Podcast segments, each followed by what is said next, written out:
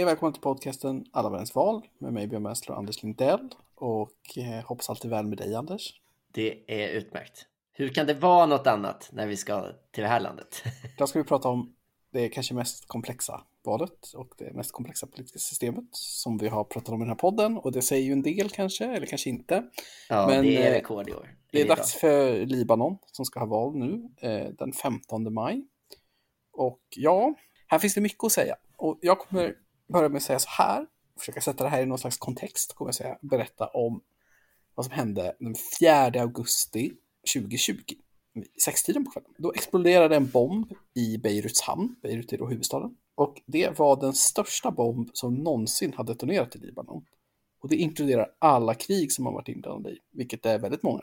Bomben var så stor att den närmast kan liknas med någon typ av avancerat vapentest. Man har räknat ut att bomben bestod av 2750 ton av olika typer av kemikalier. Där en stor del var liksom gödningsmedel som ibland ju används när hemmagjorda bomber görs. Men denna explosion var inte medveten och detta förvarades eh, dåligt och und icke under övervakning och lät liggas och hända precis i närheten av bostadskvarter. Minst 200 människor dog i den här bomben, minst 6500 skadades och 85 000 bostäder skadades mer eller mindre. Många av dessa helt. Eh, konsekvenserna av den här bomben och eh, hur den har påverkat Libanon är eh, ganska symptomatiskt för det problem som plågar landet. Och det har med korruption att göra. För när journalister försökte nysta i hur hamnen fungerade så stöter man på olika offentliga aktörer, olika myndigheter och olika privata intressen med olika mandat och intressen i hamnen. Eh, organisationen Human Rights Watch fastslog att The very design of the porch management structure was developed to share power between political elites. It allowed corruption and mismanagement to flourish. Av de 25 tulltjänstemän i hamnen som man lyckades filma med en övervakningskamera så visade sig 16 av dem ta mutor. Även om de har blivit åtalade för det här så har alla 16 kvar sina jobb. En serie högt uppsatta politiker och tjänsteman, bland annat dåvarande president och dåvarande premiärminister, har dokumenterat med att känna till missförhållandena i den här hamnen. Men när en domare skulle ta upp det här i 2020 i december så dök de inte upp i rätten utan eh, hävdade att de var immuna och eh, strax så byttes den här domaren ut mot en annan domare. Domaren byttes ut på grund av bias mot några av personerna. Och de här, eh, att ansvarsutkrävandet har blivit manipulerat i flera steg. Och den här explosionen i Beirut, det är kanske liksom det mörkaste kapitlet när man ska försöka förstå vad som har gått fel i Libanon sedan det 15-åriga inbördeskriget tog slut år 1990. Den här krisen har varit i annalkande länge, men den har de senaste åren kulminerat i en ekonomisk kris som Världsbanken beskriver som unik. Eh, medianmånadslönen låg för några år sedan på 430 dollar. Nu ligger den på 34 dollar. Sedan 2019 har det libanesiska pundet tappat 90 procent av sitt värde och inflationen var för två år sedan 85 procent. Arbetslösheten ökar, migrationen ökar och strömavbrottsproblemen blir större och större. Just nu så uppskattas 80 procent av befolkningen leva i fattigdom. Så som ni förstår så är det här inte ett land i kris, utan det här är ett land på gränsen till undergången som går till val. Och när man läst på om det här så är det inte bara så här de hårresande berättelserna om föräldrar som inte kan få tag i mediciner till sina barn eller historien om den här bränslebilen som skulle leverera bränsle till en bensinmack men som liksom attackerades av en mobb som ville få ut bränsle som gjorde att den exploderade och 30 människor dog. Utan det mest symptomatiska med hela Libanon är att Embrace, den nationella hjälplinjen för självmordsbenägna, var tvungen att lägga ner temporärt på grund av strömavbrotten. Mm. Så Anders, hur ska man förklara att det har blivit så här? Ja, det är väl eh, det. Är väl det Nu har, jag gjort, nu har jag gjort mitt här. nu ska vi bara gå igenom varför. Nej, men det är omöjligt att läsa på om Libanon utan att känna precis som du att det är liksom eh, en sån hopplöshet som så många känner. Och eh, just det här med som vi har varit inne på i så många länder att så här, ja, det finns en misstro mot politiken och politikens möjlighet att göra någonting. Det har ju verkligen präglat Libanon under jättemånga år, men, men särskilt under den här mandatperioden och det är väl kanske den vi kommer kunna fokusera lite mer på. Med då den här explosionen som du säger, det var liksom inte där problemen började, utan för många så var det som så här, den sista, den sista stenen som är så här, men det går ju inte mer. Och mycket, ganska mycket av det här går ju ändå att förklara med politiska. Det är ju vår, vi som pensionerade statsvetare vill väl åtminstone kunna göra det. Förklara ganska mycket av det här med det politiska systemet och det ska vi ju alldeles strax komma in på. Ja, det ska vi göra. Och för den som är lite så här inne i statsvetenskaplig litteratur så kom det ju en extremt eh, inflytelserik bok för typ 12-13 år sedan, den här Why Nations Fail av amerikanerna. Mm. Som liksom gick igenom då hur politiska institutioner eh, funkar och hur de påverkar samhällsutvecklingen i stort. Och då Mm. var ju Libanon ett av deras case på en misslyckad stat som skulle liksom bli, som successivt blev sämre och sämre. Och eh, jag återbesökte det, den bokens Libanon-del lite snabbt. Och det var ju Mm. efter tio år till. Jag menar, allt i den boken har ju inte åldrats i linje med deras teorier. Nej. Men här var det nästan, det var nästan för, eh, det var liksom tangentens riktning. Mm. Ska vi säga något snabbt bara om Om landet?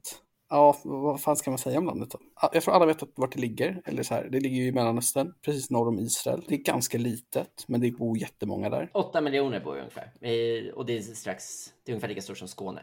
Så det är en liten. Och det är väl väldigt stökigt med religioner, folkgrupper och så vidare. Ja, eh, och det är ju liksom, det kan man ju välja hur mycket fokus man vill lägga på i olika länder. Men just i Libanon så har de valt att göra det själva och det kommer vi komma in på. Eh, men det spelar väldigt stor roll för landets eh, politiska system och politiska kultur att det är ett så eh, religiöst blandat land. Det är liksom inte så etniskt blandat utan de allra flesta identifieras som araber och pratar arabiska. Även om ju franska har varit ett stort språk på grund av kolonial makt så är det liksom arabiska är det som folk har som modersmål. Men det, är, det finns flera stora och jämnstora religiösa grupper. Och då kan man säga att i- grovt räknat så är hälften ungefär kristna och hälften ungefär eh, muslimer. Men eh, muslimerna har blivit fler på senare tid och man kan säga att ungefär 30 procent är sunnimuslimer och 30 är shia-muslimer. Eh, så att det är två liksom, jämnstora av dem. Och sen så är de, de allra flesta kristna är manoriter som, som det heter, som är en, ändå globalt sett en ganska liten kristen minoritet, men eh, Libanon som är allra störst. Men det finns också massa andra kristna grupper, så ortodoxa och så. Någon skulle fråga oss hur de teologiskt skiljer sig från katolicism så skulle vi inte kunna svara på det. ja. Eh, I alla fall, vi, eh, och det finns också, och sen finns det liksom stora grupper, även de små grupperna är stora. Det spelar också stor roll. Så att liksom, de ortodoxa är ganska många, de är typ 8 procent och liksom det är en ganska stor eh, grupp druser också som ju eh, en egen religion som ligger teologiskt ganska nära eh, islam, men som inte eh, tycker själva att de är muslimer. Liksom. Och det här spelar jättestor roll, kommer vi in på snart, men det är liksom, och det har väl verkligen varit också när folk har haft eh, hopp om Libanon så har man ju pratat om det som ett så eh, härligt, mångkulturellt fungerande, spännande samhälle. Det finns ju, det är ju liksom, det finns ju massa kultur och mat och så från, från Libanon som är världsberömt och så. Eh, och Beirut är en stad som har varit väldigt liksom, som folk har pratat om som så eh, Medelhavets Paris. Ja, men det också så här västerländska orientalistiska drömmar har ju projicerat ut på Beirut kan man väl säga. Ja, ja, lite. Men väldigt stökig historia kan man ju säga. Ja, du har ju skrivit här i våra anteckningar att de blev självständiga från Frankrike 43, hade krig 58, inbördeskrig 75 till 90 och sen ockupation av Syrien fram till 2005 och sen krig med Israel igen 2006. Så det finns ju liksom ingen generation som har vuxit upp i Libanon som har levt helt fredligt. Nej, precis.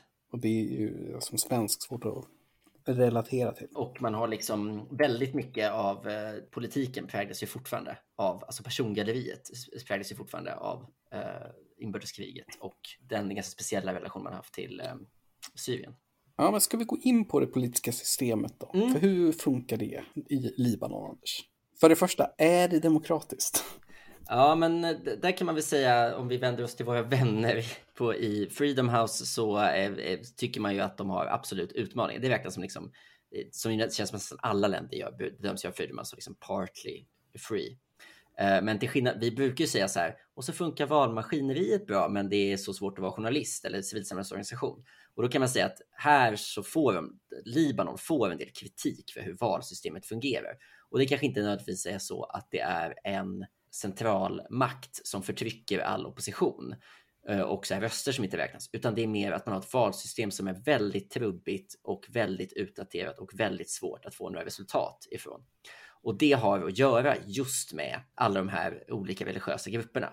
För att Libanon är något så ovanligt som ett konfessionalistiskt politiskt system. Och det betyder alltså inte att religionen har en roll i att liksom bestämma vad som händer, som typ i Iran, där, man liksom, där det är prästerskapet som bestämmer vad som ska göras. Men att man definierar de politiska krafterna efter religiös tillhörighet. Eh, och, inte partier riktigt, utan... Jo, sen finns det partier också, men okay. partierna är liksom underordnade ett system där man har en religiös kvotering. Och den finns på två sätt. För först, och det här är definierat i konstitutionen, att eh, parlamentet ska bestå av 50% muslimer, 50% kristna. Och dessutom så definierar man sen i vallagen hur, vilka grupper muslimer och, och kristna som ska ingå. Så att man har liksom en kvot av varje grupp. Och sen så har man dessutom en, en överenskommelse som innebär att varje av de tunga ämbetena också måste tillhöra en viss eh, religion. Så att Libanons president, som är det högsta ämbetet, formellt statschefen, den är alltid eh, maronit, alltså kristen. Premiärministern är alltid sunnimuslim och talmannen i parlamentet är alltid shia-muslim. Så att man har liksom en, en maktdelning som är liksom definitiv på de här två posterna. Eh, på de här tre posterna. Och sen, och sen är det också så att det följer med ner. Så att jag tror vice talmannen till exempel är alltid grekisk-ortodox. Och så. Det känns ju lite svårt att squara med bilden av hur en demokrati funkar. Ja, det kan man ju säga och det är ju lite som att tanken här är, är, ju att det på något sätt att det här ska göra att politiken sen kan det är väl lite som att de har, om de diskar av det där så att de lovar alla lika mycket makt så är väl tanken att så här, då ska man också kunna ha ett partisystem som fungerar. Eh, så tanken är väl att det här ska desarmera eh, skillnaderna mellan grupperna. Men det som egentligen händer är ju att det blir snarare ett, ett system där de religiösa ledarna får så stor makt att partierna kanske lite spelar ut sin roll. Det gör det ju väldigt, väldigt svårt att få liksom tydliga majoriteter eftersom du har de här kvoterna redan. Och det gör att antingen får man ingen regering och sen när man väl har en regering, då, blir en, då kanske alla deltar mer eller mindre och så, och så går saker väldigt långsamt. Men det här är liksom, de här kvoterna är väldigt viktiga. Och de, det är ju ena ramverket. Det andra är ju ett vanligt, liksom, man har ett parlament med 128 platser som väljs på fyra år. Men de 128 platserna då ska ju då väljas med den här eh, religiösa kvoteringen.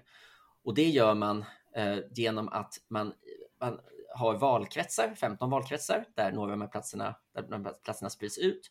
Och så är varje plats avsatt till en viss eh, religiös grupp baserat på hur, ungefär hur det ser ut i den här valkretsen. Så att i delarna av Libanon där det bor mycket shia-muslimer så är det liksom väldigt många shia-muslimska platser och där det bor många maroniter så är det många maronitiska platser. Det som det här innebär är ju då att eh, varje kandidat måste säga vad den eller tillhör för religion. Men som väljare, som jag har förstått det, så behöver man inte liksom som, väl, som väljare kan du ju rösta på vad som helst. Men, men eh, som kandidat så kan du bara bli invald om du så att säga blir vald på rätt plats. Men sen blir det ännu mer komplicerat därför att det här systemet hade ju funkat och så hade man förut att man liksom hade att, att man röstade på varje enskild plats. Liksom. Men sen har man parallellt med ett listsystem för att de ville ha ett mer proportionerligt valsystem. Så att det blir en ganska komplicerad rösträkning. Att du liksom först har du en lista och så röstar alla på listan, alltså som en, en valsedel som vi har i Sverige. Och sen så har, använder de den här, en liksom naturlig spärr som det då blir. Så man kan säga om det, de här valkretsarna blir ganska små, så att då kanske det är tio Säg att det är 10 platser i varje valkrets. Ja, då måste du få 10% för att få en plats. då tar man bort alla som inte har fått 10 och sen därifrån så sorterar man ut då på, på de eh, största partierna. Men också då så att kandidaterna matchar med vilken plats de ska få i det här religiösa ramverket. Det verkar ju väldigt komplicerat. Ja, och det det här gör då, dels så blir det en väldigt hög de facto spärr så att de stora partierna gynnas. Eh, men dessutom så blir det ju lätt så att du vill ju som parti ändå ha, du gynnas ju om du har väldigt etniskt eller väldigt religiöst renläriga partier. Förstår du? Det är ju lättare att veta att så här, men alla vi är shia-muslimer i det här partiet. Så det måste inte vara så på respektive lista, men det, det, det, har ju blivit ett sådant system. Så att det blir liksom parallella strukturer där du liksom har flera partier inom varje religion. Liksom. Ja, det kommer vi in på. När de väl får ett parlament då till slut på plats, vilket de ju har, eh, fick för första gången på jättelänge, 2018. det var nio år sedan mellan valen. Ja, senast. precis. Nu är det precis. ändå val, val, eh, liksom enligt tidtabell. Precis, mandatperioden 2009 bara fortsatte och fortsatte och fortsatte tills den hade gått fem år över tiden. Och, men och när, man har, när, när man väl får det på plats, då väljer man en president som ju då måste vara maronit eh, och som sitter i sex år och som sen väljer premiärminister. Sen tycker jag när man läser om libanesisk politik att det verkligen känns som att premiärminister betyder väldigt mycket och är verkligen den exekutivt viktiga posten. En av de sakerna som har gjort att man haft lite svårt att ta tag i vissa av de här ekonomiska problemen är att man under långa perioder inte har lyckats enas om en premiärminister. Om man ska säga någonting, en sista grej om valsystemet som jag tycker är intressant är att det som de som är emot den här religiösa stora vikten i valsystemet påpekar ofta att, att det så att säga balanserar emot andra typer av representation på ett dåligt sätt. Dels så har Libanon väldigt, väldigt låg kvinnlig representation och det är också en sån sak som när man föreslog det nya valsystemet som började gälla 2018. Egentligen i planen var att man skulle ha en könskvotering, men den försvann liksom på vägen när man höll på med förslaget. Ja, tittar man på toppkandidaterna nu så verkar det inte vara någon könskvotering. Nej, nej precis. Det, det, det, sen är det en ökad andel liksom, kvinnliga kandidater totalt inför det här valet, men det är, det är, man är väldigt, väldigt svag där på kvinnliga kandidater. Man är också väldigt, väldigt svag på unga kandidater och har jämfört med andra demokratier i världen väldigt, väldigt höga, alltså dels medelålder på kandidater och politiker, men också höga gränser. Så man har en rösträttsålder på eh, 21, vilket ju eh, är högt. Och man måste vara 25 för att kandidera och man har också den där lustigheten att om två kandidater skulle få samma antal röster, då vinner den med som är äldst helt enkelt. älskar det. väldigt ovanligt. Eh, så att det är liksom väldigt, eh, både liksom kring eh, ålder och kring kön så finns det ett stort liksom, missnöje internt i Libanon. Ja, det finns ju ett eh, missnöje med mycket i, i Libanon. För ja, hur, vilken typ av regering är det då som det här systemet får fram? Ungefär. Liksom, hur har det funkat i praktiken? Ja, generellt har man haft långa perioder där man inte har lyckats få fram en regering. Och sen när man väl gör det, då har den regeringen en väldigt, väldigt stor bas. Det är som att liksom, det blir så fragmenterat att man får liksom inga tydliga vinnare i valet eftersom kvoterna för hur stora de här grupperna ska vara är redan satta. Så att det blir ju alltid ungefär samma, samma resultat. Och sen är det liksom långa förhandlingar och samma eliter som liksom sitter kvar. Så att Eh, om, man ska säga, om man ska säga någonting om den mandatperiod som har varit, då, blir, om man ska ha den lite som ett, ett exempel. Det var första gången någonsin som, det, som några partier fick över 12 procent. Så innan hade man aldrig haft ett att största partiet hade mer än 12 procent. Men här fick några av partierna över 12, så det var lite en så konsolidering att de största partierna blev lite större. Och då lyckades man till slut få fram en eh, regering under samma premiärminister som man hade inför valet som är en man med ehm, ett väldigt känt efternamn, Saad Hariri. Och det är om man känner igen det är det för att hans eh, pappa också var premiärminister och eh, mördades 2005, vilket var en stor del av de stora protester som gjorde att Syriens ockupation av Libanon till slut. Mycket far och son här, precis ja. som i Filippinerna sist. Det är väldigt mycket far och son liksom. Eh, men i alla fall, Saad Hariri eh, var eh, premiärminister fram till 19, då det var stora protester mot just den ekonomiska utvecklingen som gjorde att han slutade. Då tog det lite tid att få fram en ny president, eller en ny premiärminister som heter Hassan Diab Eh, och han slutade då ett år senare efter den här eh, explosionen som vi pratar om. Och efter det så tog det ett helt år att få fram den tredje premiärministern den här mandatperioden eh, som heter Najib Mikati. Och han är liksom en, kanske den typ minst politiska av de här. Han är liksom en mittenkandidat som har varit premiärminister två gånger tidigare. Liksom. Så att, för att besvara din första fråga, vad har man för, för regeringar? Jo, man har ofta kortlivade regeringar som det tar jättelång tid att få fram. De, liksom, de förhandlas under en längre period än var de sitter, känns det som. Ja, jag har också fått, nu kommer jag att, jag har tappat lite namn här, men jag har för mig att han som har varit talman i parlamentet har varit det sedan 92 och vissa presidenter har suttit jättelänge och alltså det har varit liksom en grupp nu lite äldre herrar som har liksom suttit på platser väldigt, väldigt länge. Ja, men så är det. Han som rattade centralbanken också har suttit jättelänge liksom. Ja, och eh, Mikati är ju också liksom, eh, han är i 70-årsåldern och är liksom Libanons absolut rikaste man och även liksom eh, Hariri-familjen, de här som också har haft premiärministerposten i både far och son, är, tillhör också några av de absolut rikaste och liksom täta band till Saudiarabien. Så. så att eliterna överlappar ju verkligen. Det är inte så att man har en politisk elit och en ekonomisk. Utan... Men om vi tittar in lite på partierna då, liksom, okej, okay, men vi, vi, vet att det finns kristna och sunni och shia och allt möjligt, men hur manifesterar sig det här då? Som jag förstår det så är det att det finns Hezbollah som är kända, i, Mm. även utanför. eh, och de är ju tajta med Iran och anti-Israel. Det är en stark politisk rörelse i Libanon. Och sen finns det de här olika 8 mars, 14 mars-rörelsen och 17 oktober-rörelsen. Och vad är allt det här, Anders? Ge mig partierna nu. Ja, jag skrev i partierna. Jag skrev det och så skrev jag ut de här rörelserna. 17, 17 oktober-rörelsen var de, den protestvågen som gjorde att Hariri avgick. Liksom. Så det var en stor, det var liksom deras eh, det här var 2019 eller typ. ja, stora ekonomiska processerna 2019 som, som på något sätt eh, verkligen var en så den senaste strimman av hopp i libanesisk politik. Verkar ha varit när liksom folk gick samman och satte igång en stor debatt om ekonomisk eh, politik, men som det sen inte riktigt blev någonting av. De här andra datumen, de här 8 mars och 14 mars, de kommer egentligen från 2005 när Syrien, eh, alltså efter inbördeskriget så var det kvar liksom syriska trupper i Libanon. Liksom ganska, man, det, man kallar det alltid den syriska ockupationen, men det, det byggde också på en del sätt. Alltså Syrien var ett av de länderna som hade massa intressen i Libanon under kriget. Men det var också liksom att det fanns någon slags ordnat utträde för dem, eh, där Libanon liksom gick med på att det tog lite tid. Men eh, 2005 när, när premiärministern Hariri mördades, då liksom skyndades det på och det blev som en, liksom, den demokratiska kultur man har idag tog egentligen fart då kan man säga.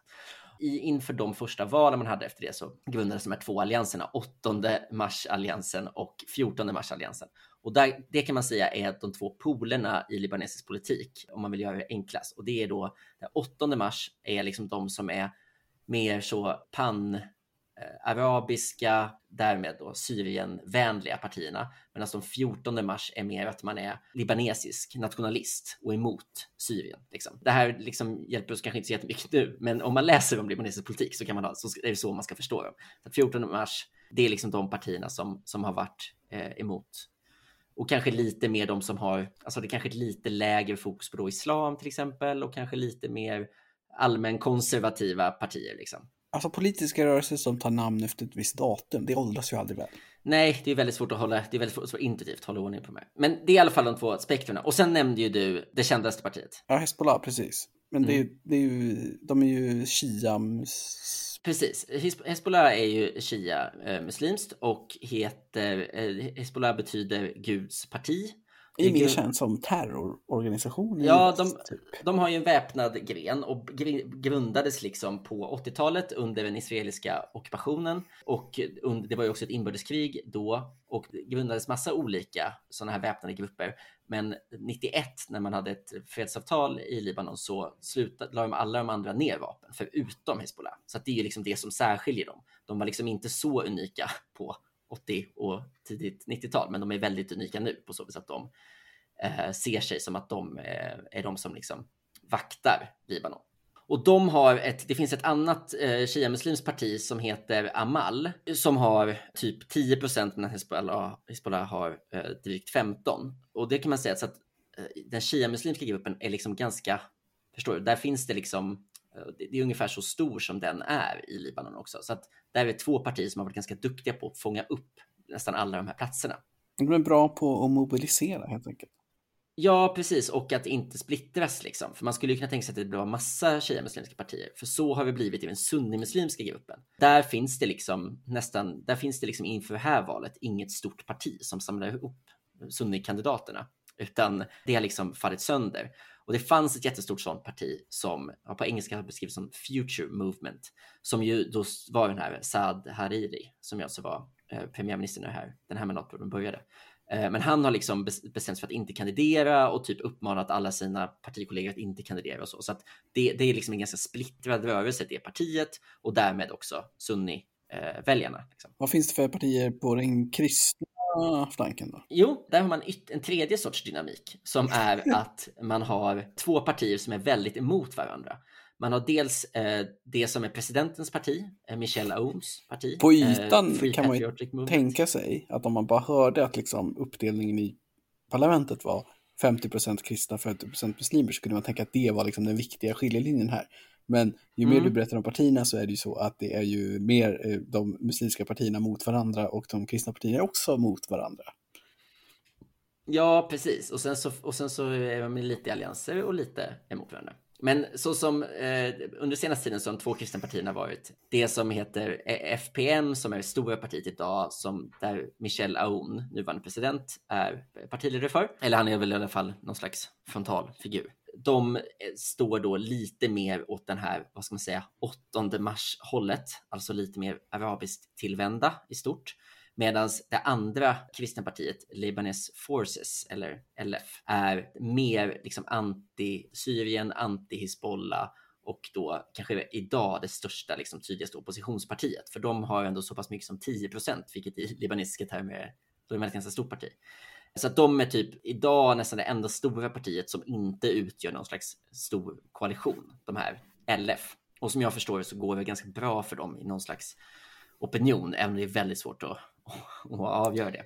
Det är svårt att ehm, avgöra. Så att, så att de kan man säga, de här LF är liksom, typ, tänk dig kristna Hizbollah, de var också en väpnad milis mellan ner vapnen 91 när alla andra gjorde det. Men eh, hur liksom går, för det har ju ändå varit en stor eh, förändring, eller det verkar ju vara en stor förändring till det här valet och det kanske vi, kan vi ju täcka alldeles strax, liksom att det, den enda undersökningen som finns säger ju att det är 40 eh, procent kommer inte rösta på det de röstade på sist och eh, eh, självständiga kandidater eller partiet Revolution har liksom typ 35 procent ihop. Men vilka mm. frågor är det som är i debatten? Och vilka partier ja. verkar liksom starka? Som jag har förstått det så är en liksom nästan så att alla partier försöker säga att de liksom står för nystarten och att så här, vi, vi vill lösa det här dödläget och styra upp allting till skillnad från alla andra. Och det är liksom väldigt paradoxalt då i ett land där typ alla är med och styr. Eh, att alla hävdar att de inte är med och styr.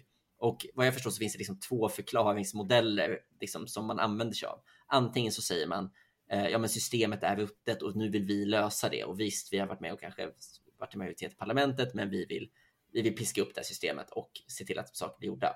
Eller så säger man det är Hizbollahs fel, för så länge Hizbollah är så stora så är Libanon inte fritt, för det är praktik, vi är i praktiken ockuperade av Iran. Det är då så de här LF säger. Liksom. Så det är väl liksom, det har ju varit de två frågorna och det finns ju en, alltså Hizbollah är ju i sig en stor fråga för många av andra partierna, alltså hur man ska förhålla sig till dem eh, som, som maktfaktor, för det är ett väldigt stort, ett stort parti som eh, man kan få majoritet om man samarbetar med, men det kan ju sitta rätt långt in för vissa. Av de här. Um, sen är det ju den ekonomiska politiken. Du, alltså, det är ju ah, otroliga, det är otroligt. Alltså hur mycket de har tappat. Och det som också är intressant är att det här är inte så en ekonomisk, en höger-vänsterfråga, utan när man hör om de här, liksom vad som har hänt i Libanon, så är det ju bara att man har gjort alla fel man kan göra i ekonomisk politik. Haft en negativ handelsbalans, lånat jättemycket och typ eh, knutit upp valutan för länge så att det inte har funnits en, en fungerande valutamarknad. Liksom. Eh, det som, som jag förstår, förstår vad som hände var att de hade knutat valutan till dollar då och sen så eh, började det liksom eh, efter, för typ tio år sedan ungefär, så i takt med liksom omvärldshändelser gjorde att det blev svårt att få in kapital utifrån till landet, investeringar. Och då behövde man mm. få in dollar på något sätt av, och då gjorde man det av den egna befolkningen och gav liksom 20% ränta mm. till de här som lämnade in sina dollar. Men det enda sättet att täcka det var ju att eh, nya personer satte in sina dollar. Så att det blev som ett, liksom, ja, men ett pyramidspel. Och det här listade folk ut 2019 och då ville alla ta ur sina dollar samtidigt och då kollapsade finanssystemet. Ja, den här regeringen som var i mitten av mandatperioden som, eh, som tog över efter eh, Hariri då, det var liksom lite mer en eh, vad ska man säga, teknokratregering och de började liksom förändra vissa av de här sakerna och typ göra saker som jag förstått var helt okej. Populära. Men sen så tvingades ju de avgå på grund av skandalerna kring eh, sprängningen i Beiruts hamn. Så att det haltade upp och dessutom så var det stora intressekonflikter mellan eh, centralbanken och eh, regeringen som gjorde att IMF typ inte orkade förhandla mer med Libanon. Nej, de har struntat i dem. Och eh, fransmännen de här vill inte heller ge lån. Nej, så att den ekonomiska politiken är ju enorm och just som du, som du också nämnde i inledningen där, alltså att, att det är så dels både energi och liksom mediciner är sådana saker som folk plötsligt inte har råd med, vilket ju är en väldigt stor och hemsk omställning för folk att inte ha. Liksom. Eh, så att det får man väl säga. Och sen så är det ju också, eh, det är det lite osexiga eh, eftersom det alltid är så. Men korruption är också en jättefråga. Eh, och man har liksom, alltså generellt liksom tröttheten på den politiska eh, eliten och liksom viljan att få ett nytt, ett nytt politiskt system. Eh, det märker man ju också kokar mycket. Det var inte bara så, du sa att det var vad sa du, 40 procent som hade ändrat. Ja, alltså det finns, bara en, det finns bara en undersökning och den är från, eh, ja. lite kul, det är Konrad Adenauer eh, Foundation som har sponsrat den. Men, men den visar ju att röststödet för 17 oktober-partiet eller självständiga kandidater ihop är ungefär 40 procent. Och mm. eh, 45 procent kommer inte rösta på samma parti som 2018. Och skulle det bli så här att alltså ett parti, alltså självständiga kandidater och det här partiet liksom plockar, då är det ju en politisk revolution i Libanon, men den kommer ju då otroligt sent. Ja. Det, det enda partiet som verkar ligga stabilt det är ju Hezbollah. Ja, precis. men de har väldigt, de är liksom kända för det, att ha stabila, stabila sporter. Uh, och jag såg också att en annan sån um, grej är att jag tror att det är fem gånger så många utlandsväljare som har registrerat sig för rösta jämfört med tidigare. Alltså diasporan är mycket, mycket mer aktiv än vad man i förra valet. Ja, den är ju enorm där, även där finns, Eller tre gånger så många var det. Ja. Uh, så att där finns det också en, en liksom, ett tydligt tecken på att det finns ett större engagemang liksom, än vanligt. Men samtidigt så är det ju mycket. För, för det är ju för att knyta an till det igen då med man har de här kvoterna på vilka eh, religiösa grupper som ska komma in. Men det skulle alltså kunna vara fullt möjligt för ett parti ändå att ställa upp med en lista i en valkrets och se till att man har kandidater från alla grupper och vinna alla platser i den valkretsen och bara sen placera ut sina kandidater. Så att det är inte så att parti, enligt vallagen måste det inte vara så här splittrat som det är. Eh, men det har ju blivit så av att det, att det också hänger ihop med politisk kultur. Finns det någon eh, person då som är liksom en ledare för någon slags opposition eller ny kraft eller så? Det har inte jag riktigt hittat någon.